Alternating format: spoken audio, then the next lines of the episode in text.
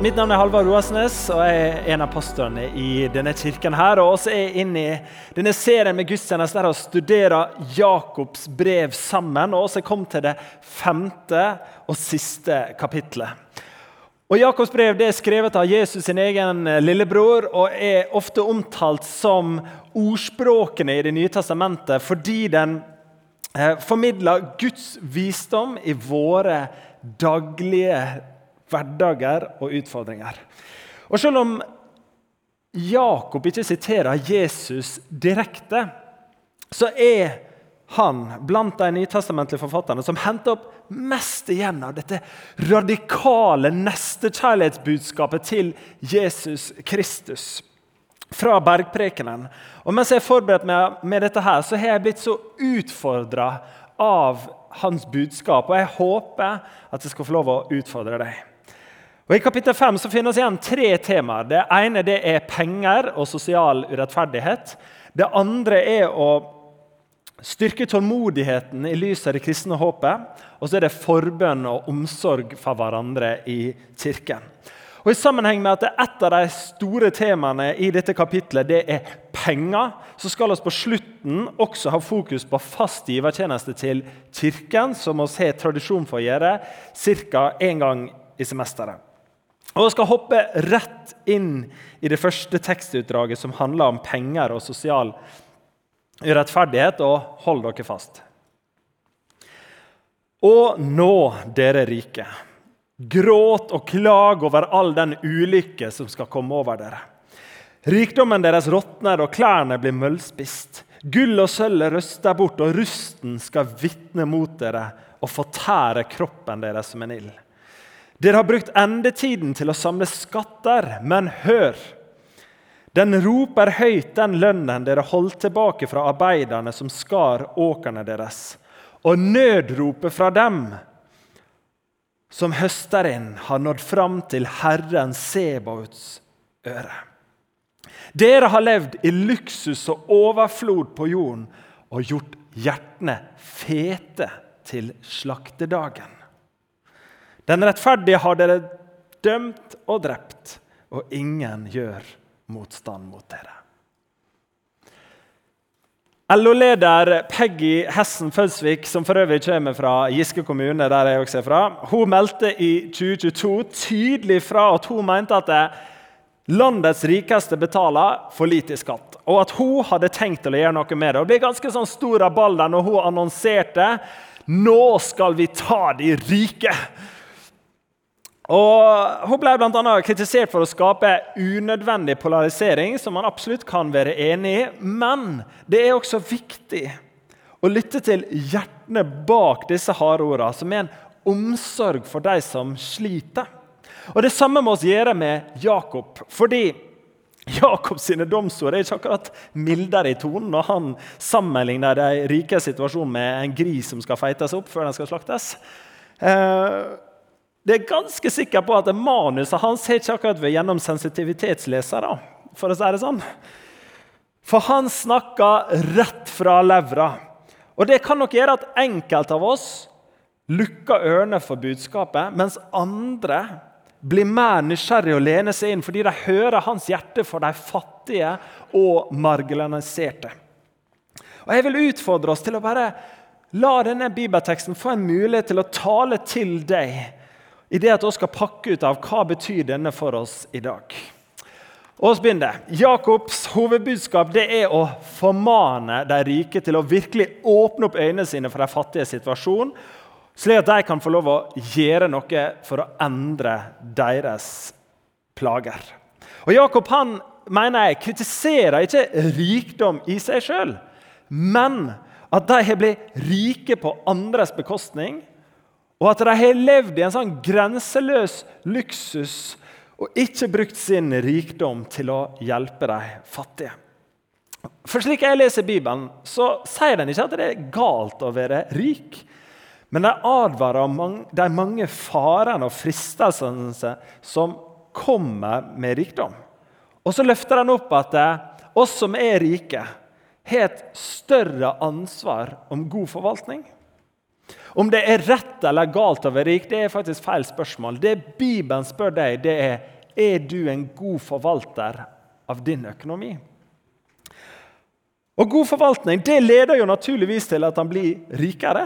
Det er jo et skjellsord at de rike blir rikere, men det er jo en naturlig konsekvens av renters rentereffekten. Dess større investering, jo, dess høyere avkastning. Men god forvaltning må også i bibelsk forstand bety rettferdig fordeling. I tråd med at eierne og lederne blir rikere og rikere, så skal også arbeiderne bli rikere. Og Det Jakob anklager de rike eierne og lederne for, er at de har blitt rike ved å være grådige. Og ikke gitt arbeiderne den lønna de fortjener, men de holdt tilbake lønna. Og dermed hindra arbeiderne i å ha et godt liv og i verste fall overleve. Og Så kommer vi med Jakobs anklage om drap, som jeg tenker ikke skal tolkes bokstavelig, men en indirekte konsekvens av at den enkelte kanskje ikke hadde fått nok til å forsørge seg sjøl. Og så er det sånn, dessverre, at denne grådigheten og urettferdigheten det er noe som oss som kirke må bruke vår stemme for å bekjempe i dag. I fjor så fulgte jeg med på det populære programmet UXA, Thomas Seltzers Amerika, med stor nysgjerrighet. Jeg så fulgte med på det. Um, her stiller Seltzer spørsmålet på slutten av episode om det ikke var grådigheten som til slutt splitta USA. Og Så kommer han med en interessant analyse av hvorfor han tenker det er slik. Han peker på at på slutten av 70-tallet så begynte forskjellene i fordelingen av inntekt for alvor å øke. Og I samme periode så blir tallet på de fagorganiserte halvert. Til en skarve på én av ti amerikanere. Så sier Heltzer er det tilfeldig eller er det en sammenheng. spør han retorisk da. Så svarer han jeg tenker det er en sammenheng. For uten sterke fagforeninger blir verdiene skeivt fordelt, og den amerikanske drømmen forsvinner for de aller fleste. Seltzer setter også søkelys på de store arbeidsgiverne som Walmart, Amazon og McDonald's som har brukt enorme summer på lobbyvirksomhet for å forhindre en anstendig minstelønn for hardtarbeidende amerikanere, noe som de har lykkes med. Minstelønna, Den lovpålagte minstelønna er i dag lysne 7,25 dollar i timen og har vært slik siden 2009. Og De jobbene som man ikke kan bemanne med såkalt lavkostnadsarbeidskraft, de skippes ut til det han litt for pent kaller lavkostnadsland. Og Slik blir dessverre oss som er privilegerte, rikere mens de fattige får ikke muligheten til å være med på velstandsøkningen. Og Selv om tilstanden er verre i USA og i mange andre land, så må vi også vokte oss her til lands for grådigheten som altfor lett påvirker oss. Og Her mener jeg at oss som kristne oss må bruke innflytelsen vår på jobb. Stemmen vår der oss har mulighet til å ha en stemme, for å ta et oppgjør med grådigheten. Og så skal oss vise i praksis hva som er god forvaltning. Jeg ble utrolig berørt av Dennis McVege sitt budskap på pinsebevegelsen sin lederkonferanse i år. Legen og fredsprisvinner sa med en sånn pondus at Kirken må være salt og lys i verden, og at oss må bruke vår stemme til å bekjempe urettferdighet. Og jeg siterer I dag lever vi i en verden av urett, sier Mukwege. Og vi har inntrykk av at uretten har normalisert seg i vårt samfunn. Det er synlig for alle, men folk virker ikke å bry seg. Uansett hvem som gjør uretten, og hvor den finner sted. Menighetens stemme må la seg høre. Din stemme må la seg høre. Og skal videre og se på det andre Jakob tar opp, nemlig at de rike har levd i grenseløs luksus og ikke brukt rikdommen sin til å hjelpe de fattige. Spørsmålet oss må stille oss i møte med denne teksten, er er jeg rik. Og hvordan er det med mitt forbruk kontra min givervilje? La oss dykke litt ned i tallene. Vet du hvor rik han må eh, være for å være blant verdens 10% rikeste? Målt i nettoverdi, da. Eh, og Nettoverdien det er summen av alt du eier, minus all gjeld. Og Ifølge Global Wealth Report fra 2021 så er det slik at eh, har du en nettoverdi på mer enn 90 000 kroner, så er du rikere enn 55% av verdens befolkning. Det tror jeg er samtlige her. Men har du rundt 900 000, så er du faktisk blant de 12% rikeste i verden, som gjelder nok veldig mange av oss nordmenn.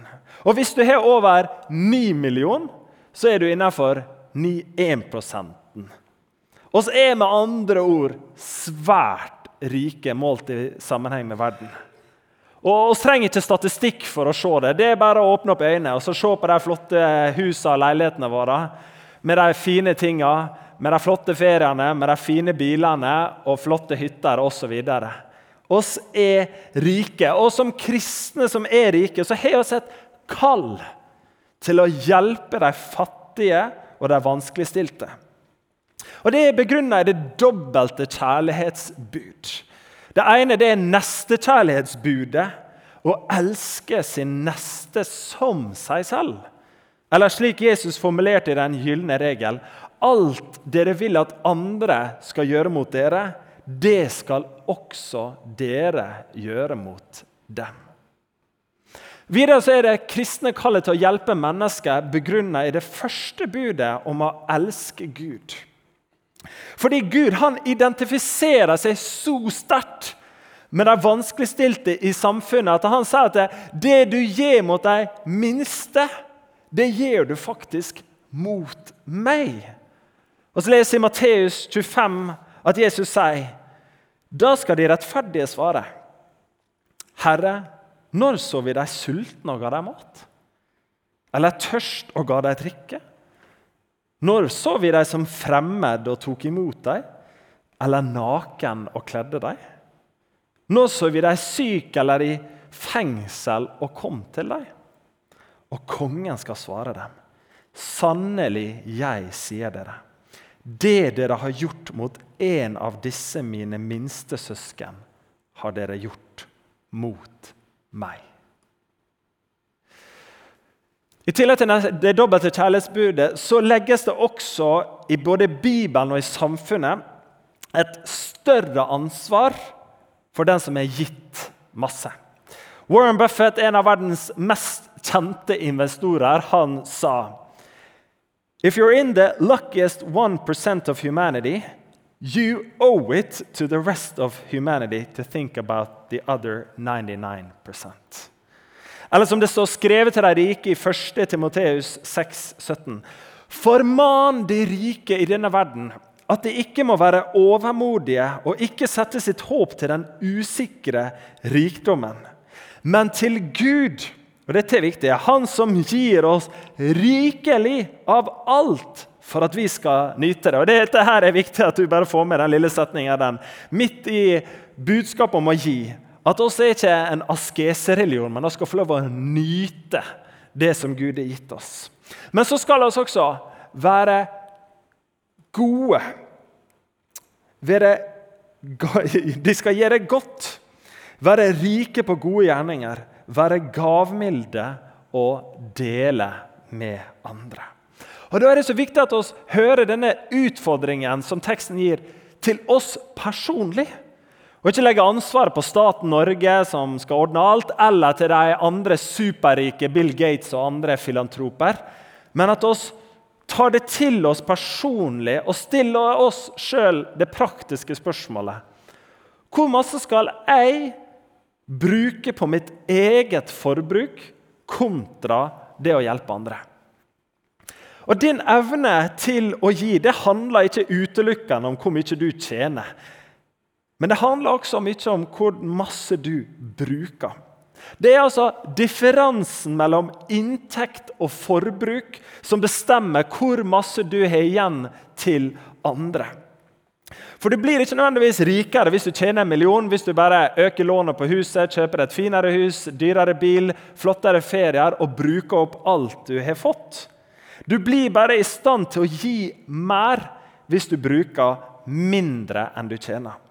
Og Det kommer ned til valg og prioriteringer. Og Her kommer ikke Bibelen med en fasit på hvor masse du skal gi. Enhver må vurdere ut ifra sitt eget liv, sin egen situasjon, sitt eget kall og sin egen samvittighet på hva som er rett. Men samtidig så jeg sier det, så tror jeg at mange av oss kan velge å spare inn på et eller annet område i livet vårt for at vi kan gi mer til andre. Og La meg bruke bil som eksempel. Jeg elsker fine biler. Altså Følelsen av å sitte i en velutstyrt bil eh, og bare akselerere langs en kystvei, det bare fyller meg med endorfiner så jeg smiler fra ene øre til det andre. Men når det kommer til bilvalg, så har vi faktisk et ideal om å bruke 20% mindre enn det vi faktisk har råd til slik at vi sparer noen penger som vi kan bruke til å gi til kirken. Til å hjelpe mennesker som har det vanskelig. Og Kanskje kan han da spare 50 eller 100 000 som han kan velsigne andre med. Fordi til syvende og sist må jeg spørre meg sjøl, og det må du også Hva vil gi meg mest glede? Den litt finere bilen som taper seg utrolig raskt i verdi? Eller få lov å være med å bygge kirke? hjelpe en bekjent i nød eller bygge et barnehjem i et utviklingsland. Åpenbart så er jo gleden ved den nye bilen kortvarig. Mens gleden av å få lov å eh, gi livsglede, mat og omsorg, den er jo så masse større i et langsiktig perspektiv. Derfor så tenker ikke det er et offer jeg driver og oppfordrer til deg til nå. Nei, fordi mange av oss nordmenn har mulighet til å både ha en bra bil og fortsatt gi masse. Og se overflod til all god gjerning, som Bibelen sier. Så sant oss ikke bruker opp alt på oss sjøl. Oss går videre, og Jakob går videre. Og adresserer de fattige og deres situasjon i vers 7-12. Vi leser kun til 9. Vær da tålmodige søsken til Herren kommer. En bonde må vente på den dyrebare grøden fra jorden og være tålmodig til både høstregnet og vårregnet har falt. Også dere må være tålmodige og gjøre hjertene sterke, for Herren kommer snart. Kom ikke med klager mot hverandre, søsken, for at ikke dere skal bli dømt. Se, dommeren står for døren. Jeg vil trekke fram to ting ved denne teksten. Det ene er at eh, Jakob han minner de fattige om at de rike som så fort blir fiender for de fattige, også er deres brødre og søstre, felles troende i Kristus Jesus. Og Oppfordringen Jakob kommer med lys av dette er at ja, selv om andre er rike, så skal de hvis du er fattig, behandles med den dypeste respekt som søsken. Men det primære Jakob formidler i denne tekstavsnittet, her, det er å minne de fattige om det håpet de har i Jesus Kristus. Om at han en dag skal komme for å gjenopprette verden. Herren kommer snart. Og så viser han hvordan de kan finne styrke i dette. Og jeg tenker sånn at eh, Håpet det er som ei stjerne. Det er vanskelig å se i fremgangens sollys, men lettere å få øye på i motgangens mørke natt. Men hva er det kristne håpet? Evangeliet, det kristne budskapet, har både en personlig side og en samfunnsmessig side. Den personlige siden det er at Jesus sin frelse på korset gjort det slik at eh, alle dine feil og mangler de har han tatt på seg, slik at du kan få tilgivelse for deg. Og Det gjør at du får en gjenoppretta relasjon til Gud, og så får du Den hellige ånd, som hjelper deg til å leve et nytt og bedre liv. Og så får du et håp om et evig liv etter døden. Det er den personlige siden. Men den andre siden, som også er viktig at vi får med oss, det er at denne personlige frelsen den har plass i en masse større fortelling om hvordan Gud frelser hele verden. Den store fortellingen er at Gud har kommet for å skape en ny verden.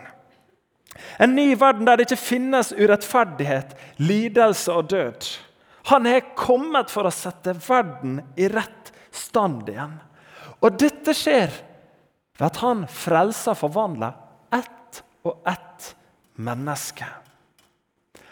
Så Jakob han ber de kristne om ikke å miste motet, men styrke hjertene sine ved håp om en ny verden, der alt blir rett og riktig til slutt. La meg fortelle en historie som kan illustrere hvordan håpet kan gi meg og deg styrke. John D. Rockefeller var en amerikansk milliardær, filantrop og kristen. Og Da det bestemt at hans sønner skulle arve hans enorme formue, så ville Rockefeller samtidig at de skulle få en smak av hva vanlig arbeidsliv var for noe. Og For å oppnå det så insisterte han at de skulle jobbe i oljefeltene sammen med arbeiderne.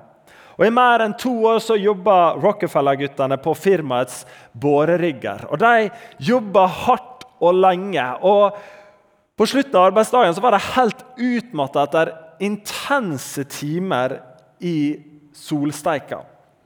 Og En kveld mens jeg satt og skravla med arbeiderne, så ble en av Rockefeller-guttene spurt ja, men hvordan har de opplevd å være her og jobbe. Så svarer han du, dette her har vært en av de beste tidene av mitt liv. Da sa mannen som stilte spørsmålet, med en viss sarkasme i stemmen det er fordi du vet at du ikke forblir her for alltid. Du vet at det fins noe bedre for deg der framme. Du ville sett svært annerledes på ting hvis du trodde at du skulle jobbe her for alltid. Og gutten han måtte si seg enig. Fordi perspektivet om at dette livet, denne situasjonen du går igjennom akkurat nå, ikke vil forbli slik for alltid, det har muligheten til å endre måten oss håndterer hverdagen på. For håp det gir oss styrke til å håndtere det som er vanskelig, fordi oss kan tro at det fins noe bedre for oss der framme. Vi skal videre, og punkt tre, og stanse ved det siste avsnittet i dette kapitlet, som har overskriften 'Forbønn og omsorg'. Og Slik jeg tolker oppbyggingen i kapitlet, så, så begynner Jakob med å adressere de rike og kommer en advarsel til dem og ber dem hjelpe de fattige. Så henvender han seg til de fattige og så sier han, dere som står i vanskelig situasjon nå, styrk hjertene med håpet. Og Så lander han i en oppfordring om at mens vi står i prøvelser, så skal vi ha omsorg for hverandre i kirken. Vi leser. Er det noen blant dere som lider? Da skal han be. Er noen glade til sinns, da skal han synge lovsanger. Er noen blant dere syke? Han skal kalle til seg menighetens eldste, og de skal be over ham og salve ham med olje i Herrens navn. Da skal troens bønn redde den syke, og Herren skal reise ham opp. Har han gjort synder, så skal han få dem tilgitt. Bekjenn da syndene for hverandre og be for hverandre, så dere kan bli helbredet. Et rettferdig menneskers bønn er virksom og utretter mye. Elia var et menneske under samme kår som vi. Han ba inderlig om at det ikke måtte regne. Og i tre år og seks måneder falt det ikke regn på jorden. Så ba han på ny, og da ga himmelen regn, og jorden bar igjen grøde. Jakob avslutta sitt brev med å hente opp igjen oppfordringen han starta med i kapittel 1, nemlig å vende seg til Gud i bønn når oss møter våre prøvelser. Og Det er tre ting jeg vil stanse ved ved denne teksten. her. Det første er poenget om at troshelten Elia var en mann som oss. Var en mann som deg. Jeg tror det er lett å utelukke seg sjøl fra bønnens tjeneste og tenke at det får disse karismatikerne og lederne i kirka ta seg av. Men jeg vil oppfordre deg til å la forbønn for andre mennesker bli en større del av ditt liv.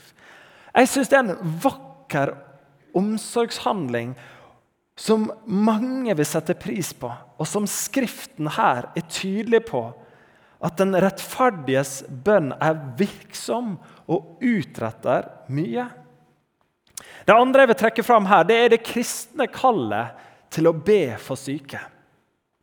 Forbønn for syke og helbredelse har vært en del av Kirkens viktige gjerning helt fra dens begynnelse. Og Det har vært en sentral del av Jesus' sin tjeneste når han gikk her på jorda. Og Hvis vi skal følge Jesus sitt eksempel, slik vi finner det i de fire evangeliene, så er det vanskelig å komme unna at en stor del av hans gjerning var nettopp omsorg for de syke og bønn for helbredelse.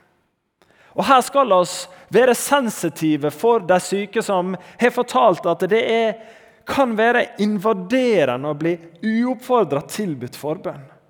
Og så skal vi generelt ikke gå i den fella og love for masse, slik at folk blir mismodige og rådville etter uinnfridde forventninger når det kommer til bønn for syke. Men da det er sagt, så har jeg samtidig lyst til å si vi må fortsatt ha tro på bønn. Vi må ta imot det Bibelen taler til oss for. Og Det leder meg til det siste som Jakob kaller troens bønn. Og Her vil jeg komme med en illustrasjon som kanskje vil gjøre forholdet mellom tro og bønn litt mer forståelig, og forhåpentligvis gjøre deg litt mer frimodig. Jeg liker å sammenligne det å be til Gud med å fly. La oss si to personer skal ut av fly. Den ene har flyskrekk, og den andre er en sånn uredd superpendler som er fløyet hundrevis av ganger.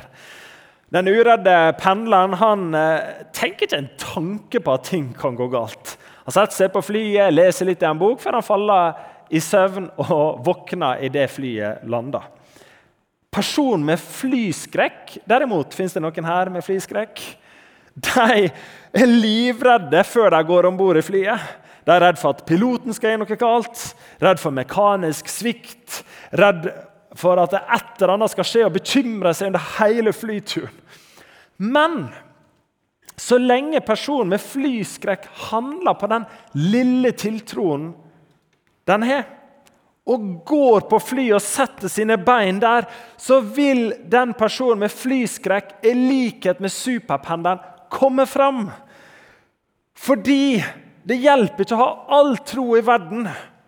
Så lenge du setter deg på det flyet, så spiller det ingen rolle om du er masse tro eller lite tro. Det er noen andre krefter som tar over og flytter deg fra A til B. Og slik er det også med bønn. Det vesentlige er ikke nødvendigvis hvor lite tro du har, eller hvor masse tro du har, men at du handler på den troen som du har. Jesus han sa det slik Om dere bare hadde tro som et sennepsfrø, kunne dere si til dette morbærtreet, rykk deg opp og slå rot i havet, og det skulle adlyde dere. Jesus han sier at sjøl bønner med et sånt snev av tro kan få bønnesvar. Forskjellen det ligger i om man handler på den troen som man har, og ber en bønn eller la være. Og når bønnen er bedt, så er det opp til andre krefter å svare på den bønnen. Det er opp til Gud å svare. Men på samme måte som den som ikke tør å gå om bord i flyet, ikke vil komme fram, så vil oss heller ikke få bønnesvar dersom vi ikke ber. Og Din oppgave det er å være lydig overfor oppfordringen og be for syke. Og så er det deretter over i Guds hender og hans uransakelige visdom. Men oss må ta oppfordringen om å be. Oppsummert så kan vi si at kapittel 5 det oppmuntrer oss til å hjelpe de fattige med vår stemme og med våre ressurser. Gjøre hjertene sterke med håp og så be for hverandre. Og Jeg ville avslutte med å si at når jeg har sett på Jakobs brev de siste fem ukene, så er det én ting som står igjen for meg. Det er Guds bankende hjerte for de syke, for de vanskeligstilte. Og Kanskje er det fordi Jakob levde så tett på Jesus. Som det står i 2. Korinterbrev 8,9. Enda han var rik, ble han fattig for deres skyld.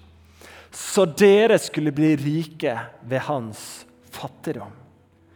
Jakob han underviser gjennom hele brevet at vår relasjon til Gud det preger vår karakter.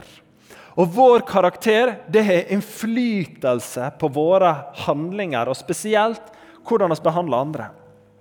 Og folkens, Slik Gud har åpenbart seg i Skriften og i vår erfaring, så er han en kjærlighetsfull Gud. En sjenerøs Gud Hele det kristne budskapet handler om at Jesus gir oss frelsen. Gir oss kjærlighet, gir oss nåde. Og så tror oss at alle gode gaver i livet dypest sett er en gave fra Skaperen. Og at jeg er en forvalter av det jeg har fått. Og Når oss lærer å kjenne Gud som en giver, så blir oss oppdratt, oppdratt til å bli slike som ønsker å gi til å bli sånne som ønsker å velsigne andre mennesker tilbake med det som oss har fått. Du har nå hørt en podkast fra Filadelfia-kirken i Oslo. Vil du vite mer om oss, gå inn på filadelfia.no. Og ikke minst velkommen til å feire gudstjenester med oss hver eneste søndag, enten fysisk eller online.